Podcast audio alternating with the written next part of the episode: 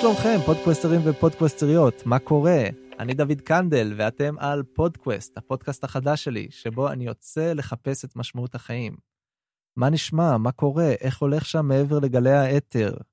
היום בתוכנית אני מראיין את אניטה שפירא. אניטה שפירא היא מומחית להיסטוריה של התנועה הציונית. היא התפרסמה בשנות ה-80 כשכתבה ביוגרפיה לברל כצנלסון, ומאז כבר הספיקה לכתוב את הביוגרפיות של ברנר, של יגאל אלון ושל בן גוריון. מי ששמע את הפרקים הקודמים בטח כבר מבין שיש איזושהי תמה שחוזרת על עצמה בתוכנית הזאת. ההתמודדות שלי עם האידיאולוגיה הציונית סוציאליסטית, אידיאולוגיה שאני גדלתי עליה. כשהייתי נער, הייתי בטוח שהאידיאולוגיה הזאת הולכת להציל את העולם. עם השנים גיליתי שהאידיאולוגיה הזאת, כמו כל האידיאולוגיות, מלאה בסדקים. והיום אני מנסה לפרק את האידיאולוגיות שלי, לבחון את האבנים, את המלט שמהן הן בנויות, ולדבר עם האנשים שבנו אותם אצלי. אניטה שפירא היא אחד האנשים האלה. בגיל 25 קראתי את ברל, שני כרכים שחורים כאלה שקראו לי ממדף הספרים בבית של ההורים שלי. הייתי רוצה להגיד שהחיים שלי התחלקו לשניים, לפני שקראתי את ברל ואחרי שקראתי את ברל, אבל זה לא ככה. הספר היה משמעותי בשבילי, אבל היום אני לא מצליח לשים את האצבע על ההשפעה שהייתה לו עליי. אני יודע שקראתי אותו בתקופה שהייתה אחת התקופות המואצות והמועצמות בחיים שלי. התקופה שאבא שלי היה חולה. אני זוכר שהייתי יושב בחדר שלו בבית חולים וקורא לו פרקים מהספר. אבא כל כך התפעל מברל, מהכתיבה, מהסיפור, עד שהדמות של ברל התערבבה לי עם הדמות של אבא ונהייתה מעין ישות רוחנית כזאת שמייעצת לי בשעות הכרעה, עד היום. ובמהלך הראיון עם אניטה אני הבנתי שברל שלי הוא בעצם ברל שלה. אניטה שפירא לקחה את החומרים של החיים של ברל ויצרה מהם סיפור, סיפור שחיבר אותי גם לברל אבל גם אליה. מאותו רגע חיפשתי תשובות אצל אניטה שפירא, בספרים, במאמרים, ותמיד מצאתי הסברים בהירים ומהירים וקוהרנטיים והגיונים, והכל כתוב כל כך פשוט ומעניין. לאניטה שפירא היו המפתחות, ואני אני כל הזמן רציתי שהיא תעשה לי עוד ועוד עותקים. חוץ מברל, אנחנו מדברים גם על נדבכים אחרים של התנועה הציונית לפני קום המדינה. אנחנו מזכירים גם את ברנר ויגאל אלון, חברים למדף הביוגרפיות של אניטה שפירא. ברנר הוא סופר ונביא הזעם של העלייה השנייה. ויגאל אלון היה כמו הגרסה ההומניסטית של משה דיין, או כמו האח הגדול והפחות מוכר של יצחק רבין. ואנחנו מדברים על הסיפור שקוראים לו חיר בת חיזה, סיפור שכתב אותו סמי חיזר ושאניטה שפירא כתבה עליו מאמר. היא ניסתה להתחקות אחרי היחס לסיפור הזה מאז שהוא ראה אור ב-49, והיא משליכה משם על היחס של החברה הישראלית לנכבה. הסיפור של חיר בית חיזה זה סיפור של מחלקת חיילים יהודית במלחמת העצמאות, מלחמת 48, שמגרשת תושבי כפר ערבי בדרום. הם יורים לעבר הכפר, והם מפוצצים את הבתים של התושבים, ומעלים אותם על משאיות ומגרשים את כל הזקנים והילדים והנשים. והמבט הזה של סמך יזהר, בדומה קצת ליורם קניוק, זה מבט מפוקח על הנכבה. היו תנאים מקלים, אבל היה שם אלימות, הייתה שם אכזריות והיה שם גירוש. ואולי בשביל הקונטקסט אני אגיד עוד איזה מילה או שתיים על ברל. ברל היה מנהיג בלי תפקיד. בזמן שבן גוריון היה יושב ראש הסוכנות וראש ההסתדרות, ברל ייעץ, חינך, כתב. הוא אמנם היה העורך של עיתון דבר, עיתון שאני רק מכיר מהשידורים של הטלטקסט בטלוויזיה כשהיינו קטנים, אבל הוא היה אחד מהנפילים של העלייה השנייה. ולמרות שבחיים שלו לא כולם היו מלוכדים מסביב לדמות של ברל, כשהוא נפטר, רבבות אנשים הגיעו ללוויה שלו כדי לחלוק כבוד אחרון לאיש שהיו אומרים עליו שהרצת אותו גם אם לא רצית להעריץ. אז זהו, עוד דבר אחרון. הרעיון מתרחש במגדל שלום. יש שם אולפן של חברה שקוראים לה פודקסטיקו, אז הנה שאוט אאוט לעומר סנש ועידו קינן מפודקסטיקו שעזרו לנו בפרק הזה. והיא בדיוק סיפרה לי כשעלינו במדרגות הנאות של מגדל שלום, שהיא גדלה באזור הזה, בעצם היא גדלה ברחוב יבנה, ואז עברה ליד אליהו אחרי כמה שנים. אז היא מספרת את כל זה לפני הרעיון. שיהיה לכם קצת קונטקסט ללמה אנחנו מדברים על זה בהתחלה. אז תהנו מהרעיון, הנה אני ואניטה שפירא. אה, הסביבה הזאת, זאת הייתה סביבה נחמדה. רחוב אלנבי היה הרחוב המרכזי. היה אה, כלבו אקמן, שזה נחשב לקולבו הכי חשוב בתל אביב, והיו הרבה מסעדות. אני זוכרת ברחוב גרוזנברג, הייתה מסעדה כשרה ישורון, שעבדה בשבתות. ואיך היא, איך מסעדה כשרה עובדת בשבת? קונים ביום שישי קופונים, ולא משלמים עם כסף, משלמים עם הקופונים. ו- והיו עוד מסעדות מלא בסביבה, וחנויות נחמדות. עברתי השבוע ברחוב אלנבי, גועל נפש. איך, איך הרחוב הזה הוזנח, רחוב שהיה כל כך יפה. זה נחשב תל אביב הקטנה עדיין, או שכבר לא? זה לא תל אביב הקטנה, זה כבר תל אביב, עיר שהתייחסה לעצמה כמו כרך. אז נכון שכיכר דיזנגוף הייתה יותר יפה, אבל כיכר דיזנגוף לא הייתה מרכז החיים, שם אפשר היה לטייל. אבל ברחוב אלנבי, אתה הלכת עד הטיילת, ושם היו בתי הקפה, ובשבת נגנה תזמורת, ושם רקדו, ריקודים סלונים, וכולי וכולי. זה נשמע כמו ילדות מאוד עשירה. כן. וההורים שלך, אמרת שאבא שלך עבד באסנט. אבא שלי היה מנהל חשבונות, שום דבר אינטלקטואלי. ואימא? גם לא. היא קראה הרבה, אבל היא לא... תראה, הדור הזה, שהמלחמה קטעה את החיים שלו, זה כמו הגירה של כל אחד. הדור של מהגרים דור ראשון, זה דור אבוד מבחינת ההתפתחות האינטלקטואלית. אז מה שאימא שלי תמיד הייתה אומרת, את צריכה ללמוד, את צריכה להתפתח, זהו. ומהר, מהר, הכל בער לנו. הם אה, נולדו וגדלו בפולין? כן. ושם גם את נולדת? כן. את יודעת להגיד איך נראו החיים שלהם לפני? את יודעת להגיד uh, קצת על המשפחה המורחבת? לא, אני הייתי קטנה. היית קטנה. ממש הייתי קטנה. Uh, אתה לא מצפה מילדה בת שבע לזכור מה שהיה לפני זה. כן, לא, אני מתכוון אולי מהסיפורים או מה... מהסיפורים, תראה, תמיד, כל עולים חדשים, כל העולים החדשים עשו אידיאליזציה של החיים שהיו לפני זה. א', בגלל הנוסטלגיה, ב', כדי להאדיר את עצמם, וג', משום שזה טבעי שהילדות והנעורים עוטים צעיף של יופי על דברים שאולי לא היו כל כך יפים.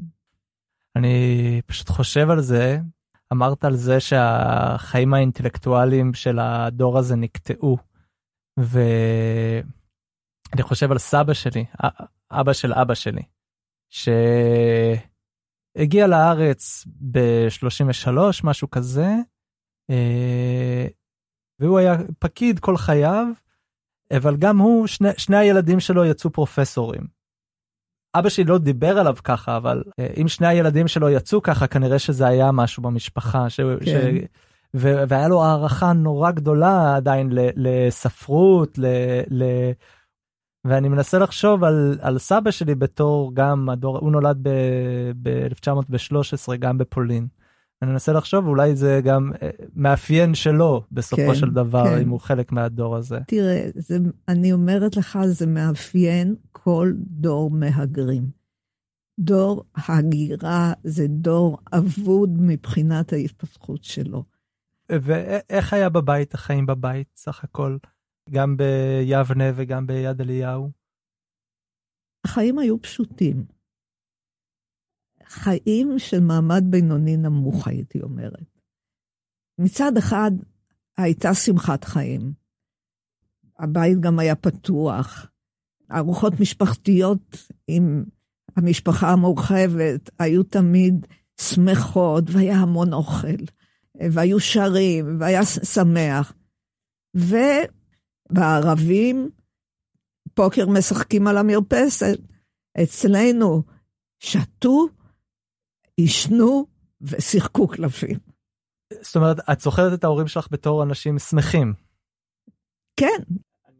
אני מנסה לחשוב על העניין הזה של אה, הגירה ו- וחיים אחרי מלחמה, ואצלי בראש זה לא תמיד מצטייר כ- כתמונה שמחה, ואת מתארת משהו נורא שמח, וזה...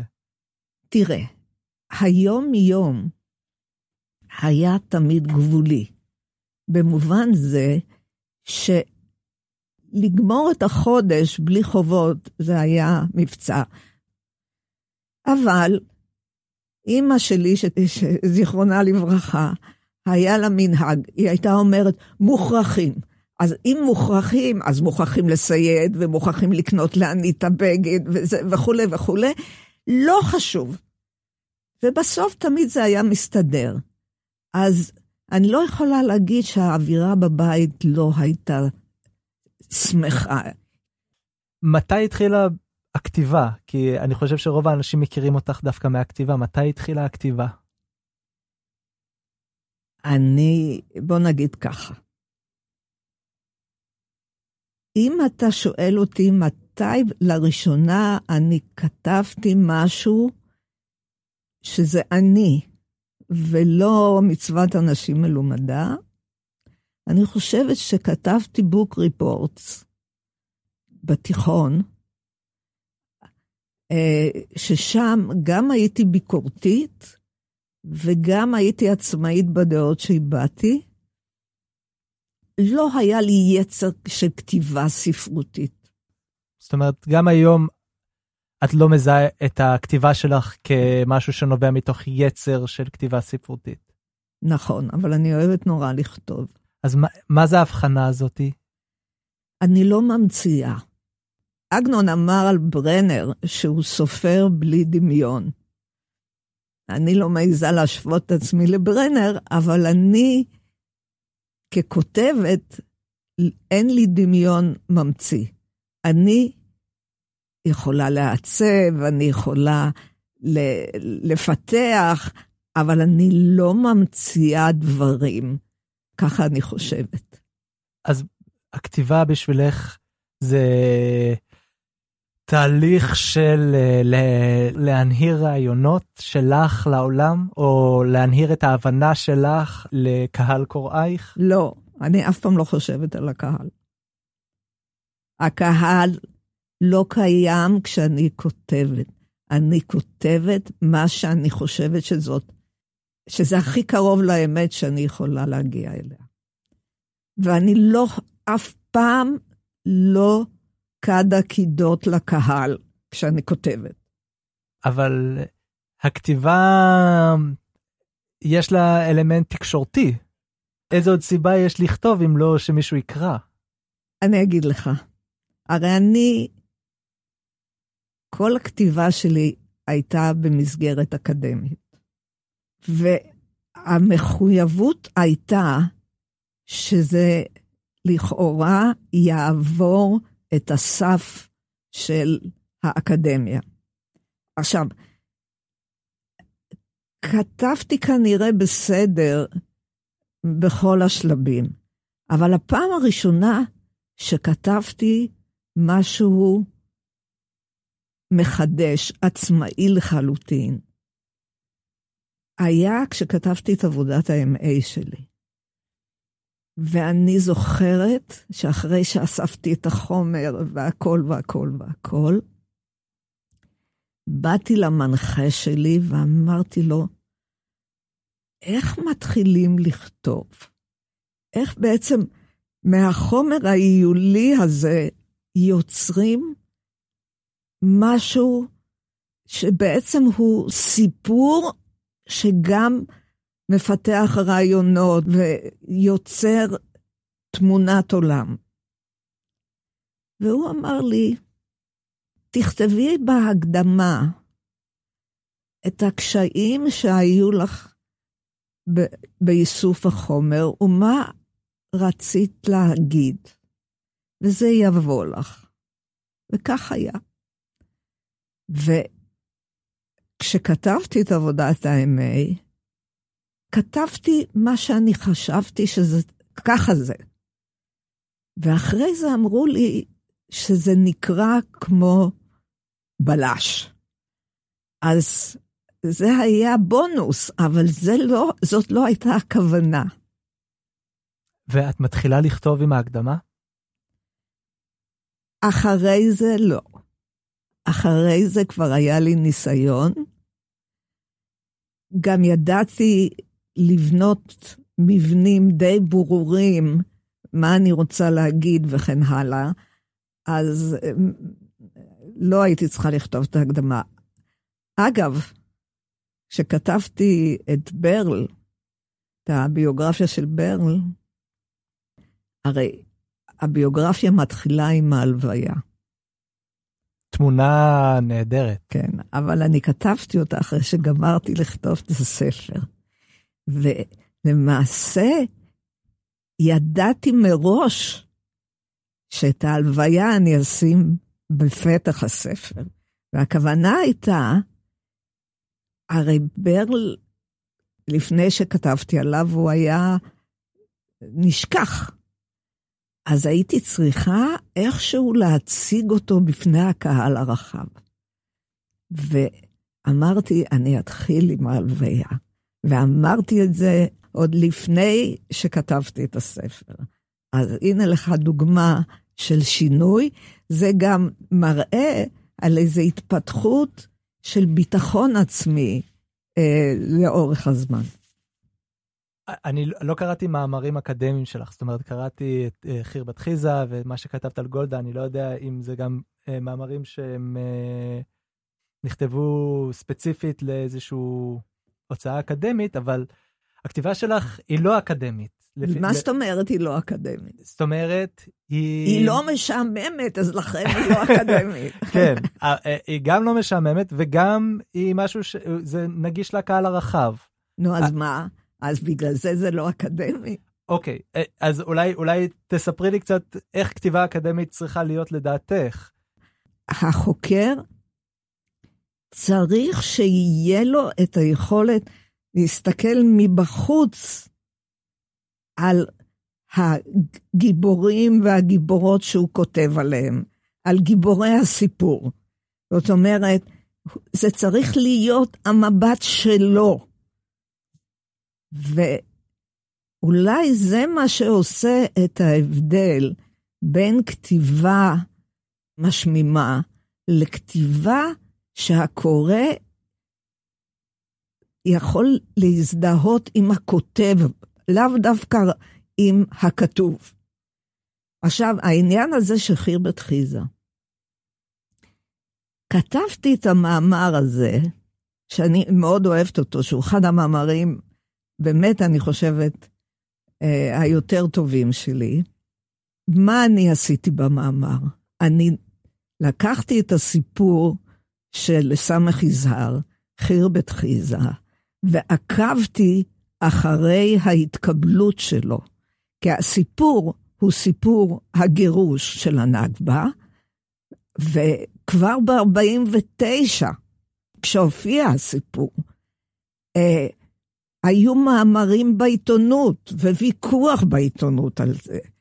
גם ויכוח צדקני וגם ויכוח גלוי. ומאז, כל פעם, הסיפור הזה היה נושא לדיון. קודם כל הוא הופיע בתוכנית הלימודים, אז איך אפשר היה לא לדעת? אז אני גם מראה איך אפשר היה שזה יופיע בתוכנית לימודים, אבל לא ילמדו אותו בעצם. אבל ב-76' הופיע סרט טלוויזיה על, ה, על פי הסיפור. סרט טלוויזיה מצוין. והסרט עורר ויכוח ציבורי, בדיוק התחלפה הממשלה, 77, המהפך, ובהתחלה גנזו את הסרט, ואחר כך שידרו את הסרט. והעיתונות כתבה עשרות מאמרים על זה, בעד ונגד, מוציאים את דיבת ישראל רעה, ומצד שני זה מה שהיה. אז איך אפשר אחרי כל זה, וזה חוזר על עצמו, להגיד שהסתירו? בראשית שנות האלפיים הקרנתי במסגרת שיעור את הסרט, ניגשו אליי סטודנטים אחרי כל זה. זה היה הטריגר בעצם לכתיבת המאמר. אניטה, זה ככה היה? איך יכול להיות? את תסבירי לנו, נכון? אז חשבתי בליבי, מה קורה פה?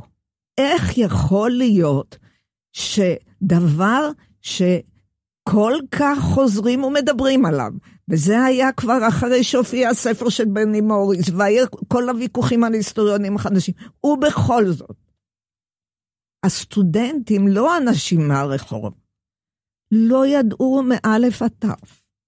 וההסבר שלי הוא מאוד פשוט, שעם זוכר מה שהוא רוצה לזכור, וזיכרון קולקטיבי הוא זיכרון של מה שרוצים לדעת, לא מה שלא נעים. ברור באיזשהו מקום שגם את, בכתיבה שלך, במחקר שלך, את מנסה לעצב משהו בזיכרון הקולקטיבי של ישראל, של, אה, של החברה הישראלית. ככה את תופסת את עצמך? זאת אומרת, במהלך חייך, כשקמת בבוקר, האם זה באיזשהו מקום מה שהניע אותך? לא. ממש לא. קודם כל, מהרגע שסיימתי את הדוקטורט, נגיד את זה כך, היה לי את הלוקסוס לעסוק במה שמעניין אותי. והשתדלתי כל השנים לעסוק אך ורק באותם נושאים שעניינו אותי. אני, אני מצטער שאני חוזר לעניין הזה של האידיאל והמשמעות, כי את מתעסקת באנשים ש... אני מתה על האנשים. אני כותבת על נושאים שהדרמה האנושית בהם מרגשת אותי. ברל ובן גוריון ויגאל אלון, שלושה... ויוסף וברנר, חיים כן. ברנר. זה, בוא נגיד, זה אנשים שהאידיאל בוער בהם מצד אחד והמציאות מכה בהם מצד נכון. שני, וזה הדרמה. נכון. ובאיזשהו מקום אני, מעניין אותי לדעת אם גם הדרמה הזאת היא חיה אצלך, אז העיסוק בהם באיזשהו מקום זה הדרך שלך לחיות את הדרמה הזאת? אני חיה חיים של אחרים. זה כל היסטוריון? אני לא יודעת. אני, כן. בוא אני אספר לך משהו. כן.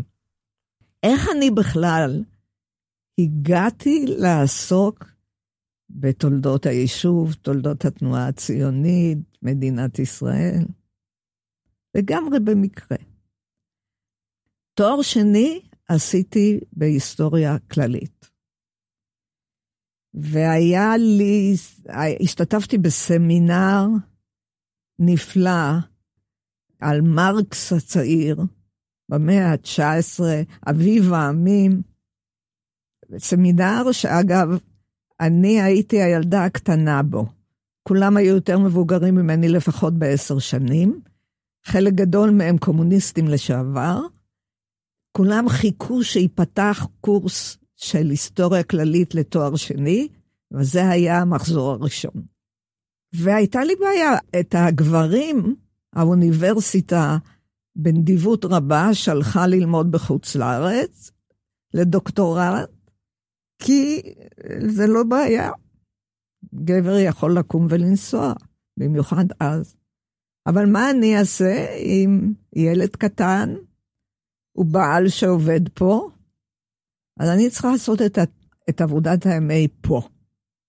אז uh, באתי להתייעץ עם המנחה, והוא אמר, את יודעת מה, אולי תכתבי עבודת MA על איזה, איזה קבוצה באנגליה שנקראת הצ'רטיסטים, שיש להם עיתון שהמיקרופילם שלו נמצא בספרייה הלאומית.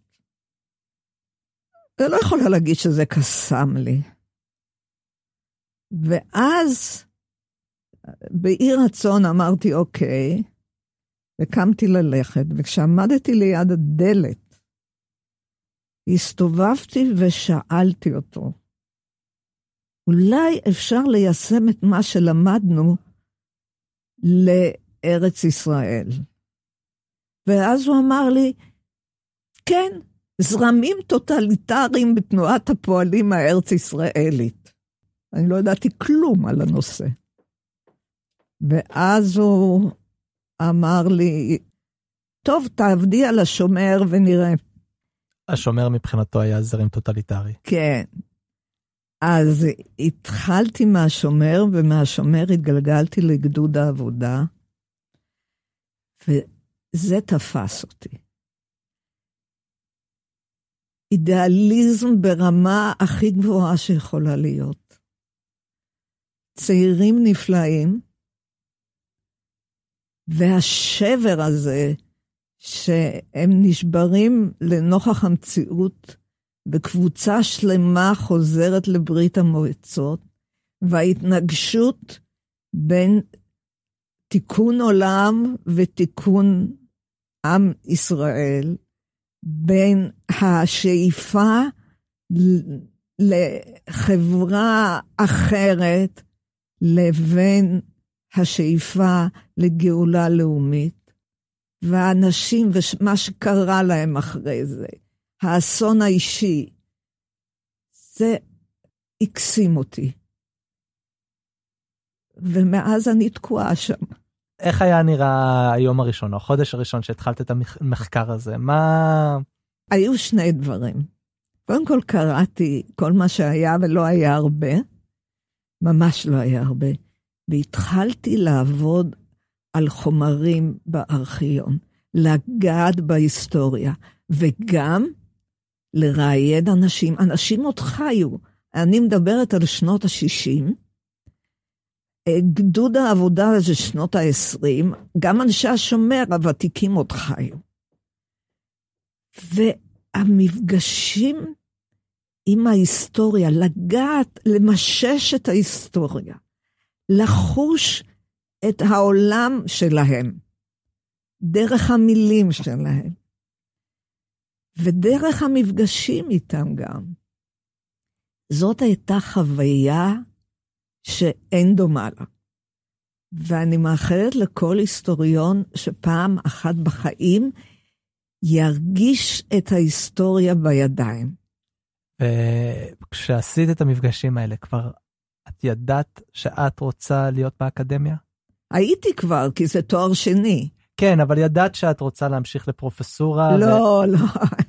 הייתי מורה בתיכון, מורה טובה, חשבתי לגמור תואר שני, ו... ו...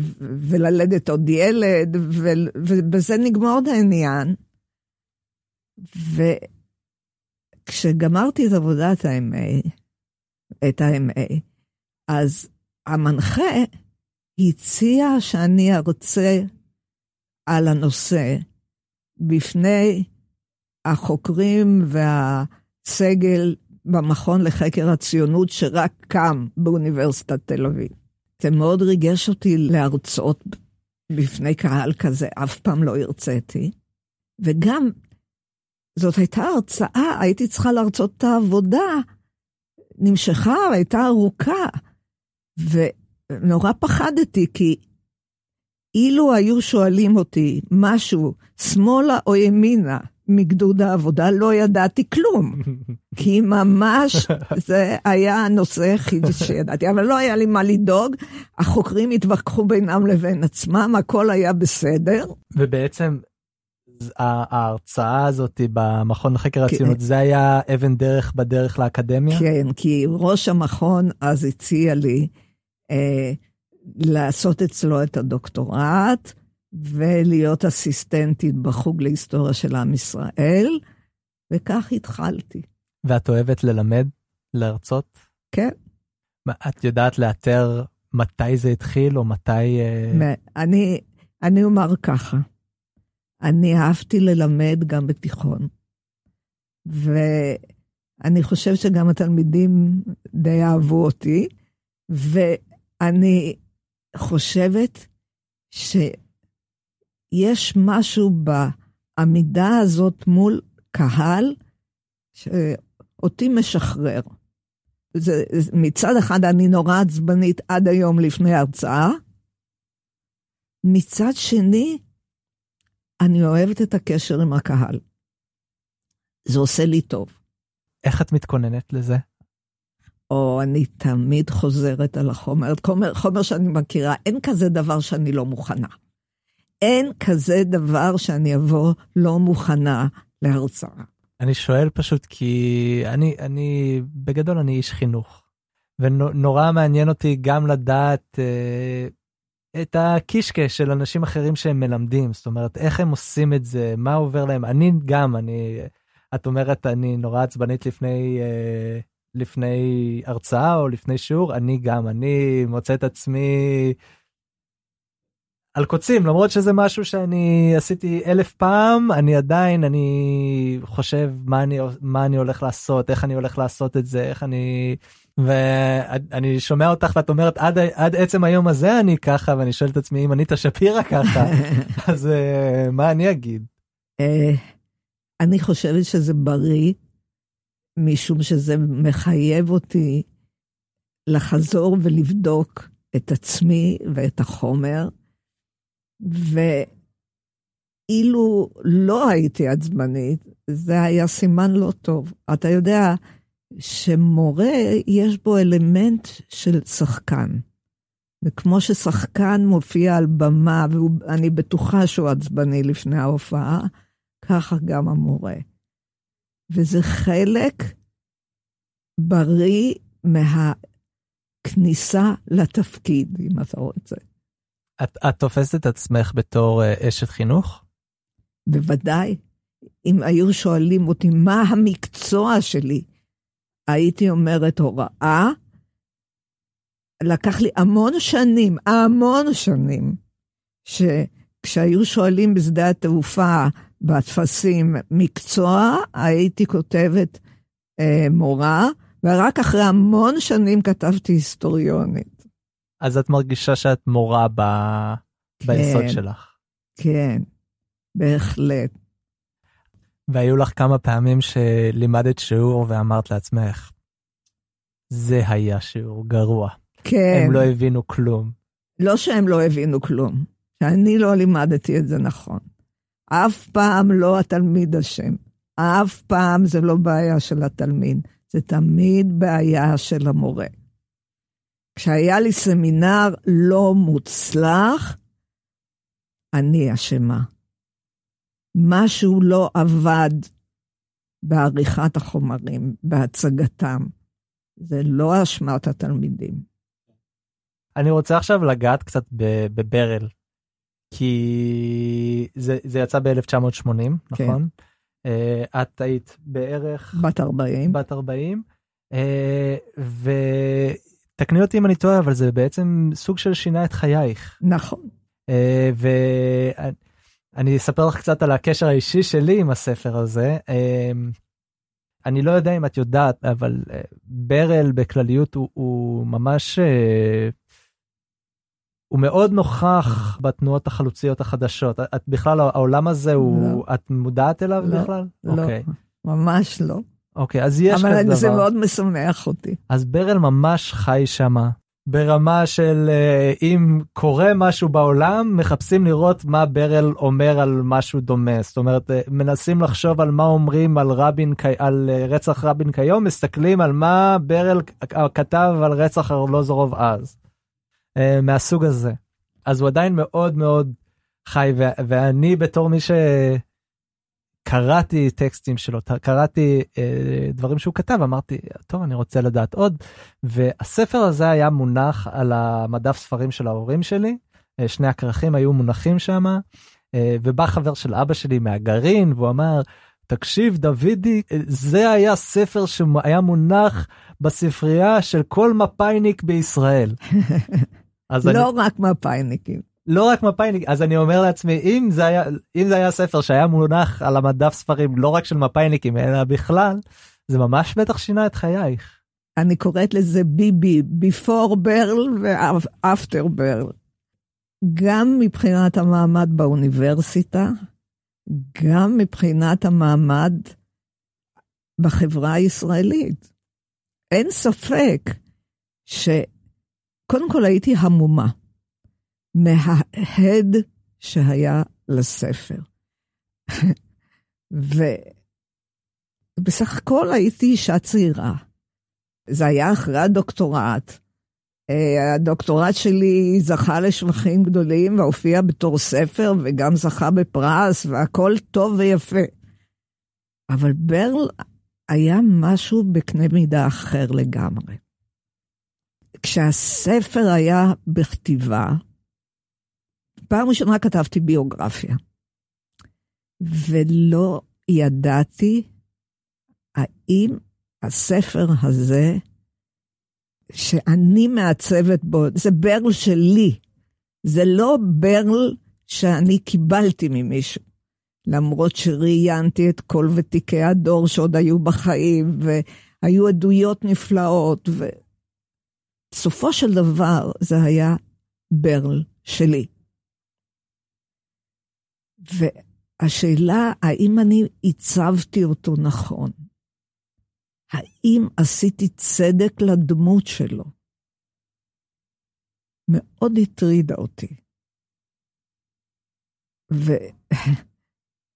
וכשסיימתי בערך מה שאחר כך היה הכרך הראשון, אהוביה מלכין, שהוא היה העורך של סדרת אופקים, והוא היה גם תלמידו של ברל,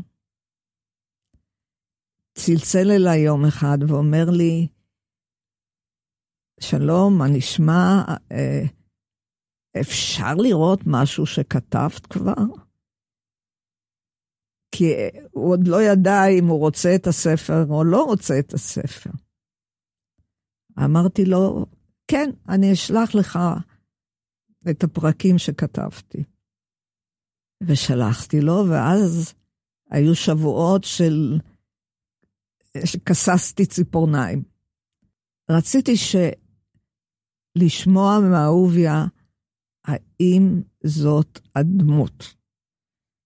ואני לא זוכרת אם הוא טילפן אליי או אני טילפנתי אליו, אבל הוא אמר, קראתי את הספר בהתרגשות. ובאותו רגע לא יכולתי יותר, הפסקתי אותו ושאלתי אותו, זה הוא? והוא אמר, זה הוא. ובאותו רגע ירדה לי אבן מהלב. והעניין הזה של מה שאמרתי לך קודם, לכתוב את האמת. עכשיו, מוקי, אני בטוחה שיש לו דימוי אחר של ברל. ומותר שיהיה דימוי אחר, כל אחד הוא ברל שלו. והיה דבר נורא מעניין, שכשהופיע הספר, ותיקי הדור הזדהו איתו, מי שהכיר את ברן. אבל הדור שלי חשב, היא לא הציגה את בר לאידיאולוג מספיק. היא הציגה ברל יותר מורכב, יותר לא חד משמעי. וזה נורא מעניין שהם רצו לראות בברל משהו שלא היה בו. לפחות אני לא ראיתי בו, ולשמחתי, גם מי שהכיר אותו לא ראה בו. והדיון מסביב לברל היה מדהים. אני במקרה עוברת עכשיו על תיקים שלי ואני רואה את הביקורות. בהתחלה, וימי עיון, בהתחלה, מה הייתי אומרת לעצמי, תגידי, הם יצאו מדעתם, מה השבחים האלה, למה הם עולים? אחר כך התרגלתי. התרגלתי, וכשהיו ביקורות טובות, אבל אם הייתה מילת ביקורת בהם, הייתי נעלבת. אבל, אבל זה עבר לי. אני רוצה לחזור אפילו לפני זה ולהבין מה גרם לך לרצות לעשות על ברל ביוגרפיה. זה נורא מעניין. זה דוגמה לנושא שקסם לי מסיבה אחת, ובסוף כתבתי עליו אחרת לגמרי. אני התוודעתי לדמות של ברל כשעבדתי על הדוקטורט, ועבדתי על הנושא אה, שכתבתי עליו גם מאמר, של הוויכוח במפא"י על השימוש באלימות כנגד הבית"רים. בראשית שנות ה-30, המלחמה האידיאולוגית בין השמאל והימין בארץ גלשה לרחוב, והימין לא, לא התבייש להשתמש בכוח, אבל גם השמאל שהיה הרוב, היה לו שימוש בכוח מאורגן נגד הימין. וברל יצא כנגד זה בכל כוחו. כולל התפטרות מכל התפקידים שלו. הוא קרא לזה הפשיזציה של תנועת הפועלים. בן גוריון אמר אחרת. בן גוריון אמר, כוח כן, אבל רק מבוקר.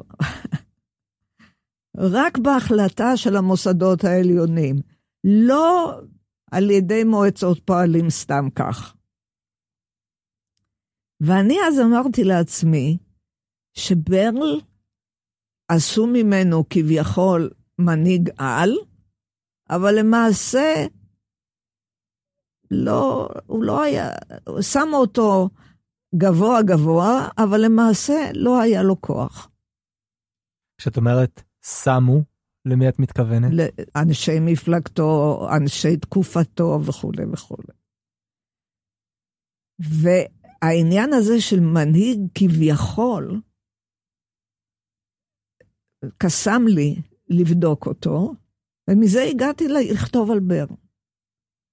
וכשכתבתי על ברל, התברר לי שאני טועה לחלוטין. שבאמת היה לו כוח מעל ומעבר, והשפעה אדירה. אבל היו נושאים שבהם אפשר היה במשך הזמן להמרות את פיו. הוא אף פעם לא היה יחיד בדורו.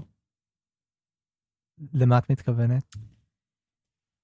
אני מתכוונת לזה שהייתה לו השפעה אדירה, אבל נאמר, ככל שתנועת הפועלים הלכה והתרחבה, כן ההשפעה שלו הלכה והצטמצמה. זאת אומרת, הייתה לו השפעה דומיננטית בחוגים של העלייה השנייה. בחוגים שהקימו את אחדות העבודה ההיסטורית.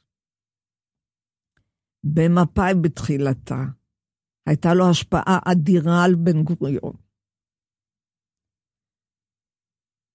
אבל צמח דור של מנהיגות של עסקני מועצות הפועלים. אה, עם גידול מספר הפועלים בארץ. והם לא נטו לאידיאליזם בנוסח ברל.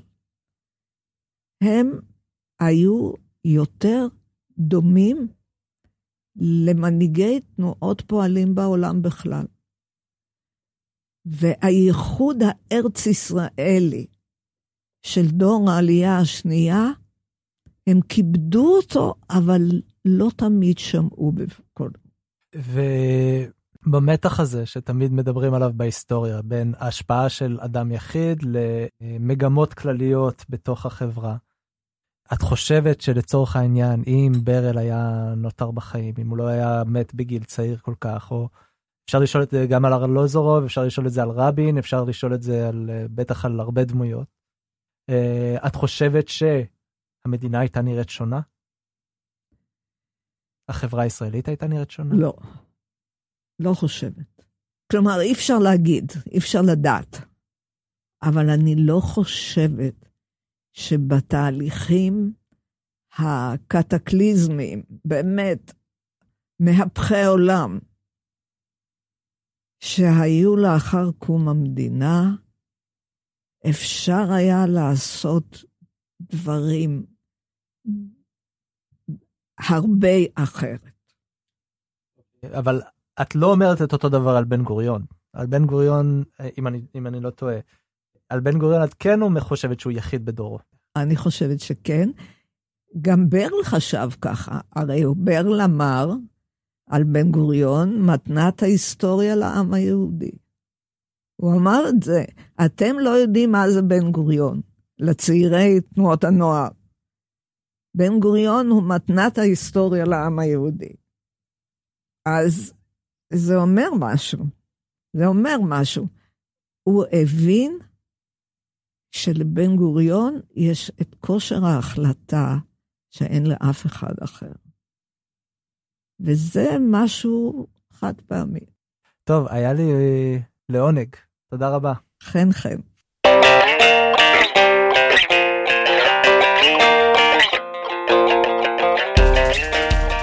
זהו, זאת הייתה פרופסור אניטה שפירא, אני מקווה שלכם גם היה מעניין ומסקרן כמו שהיה לי.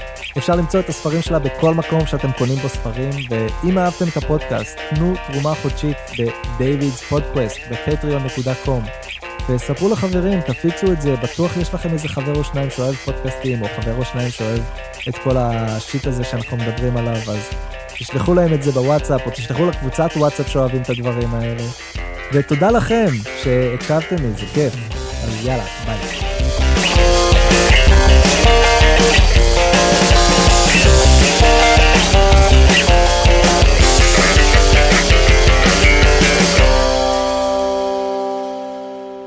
סתם, זה אני דוד.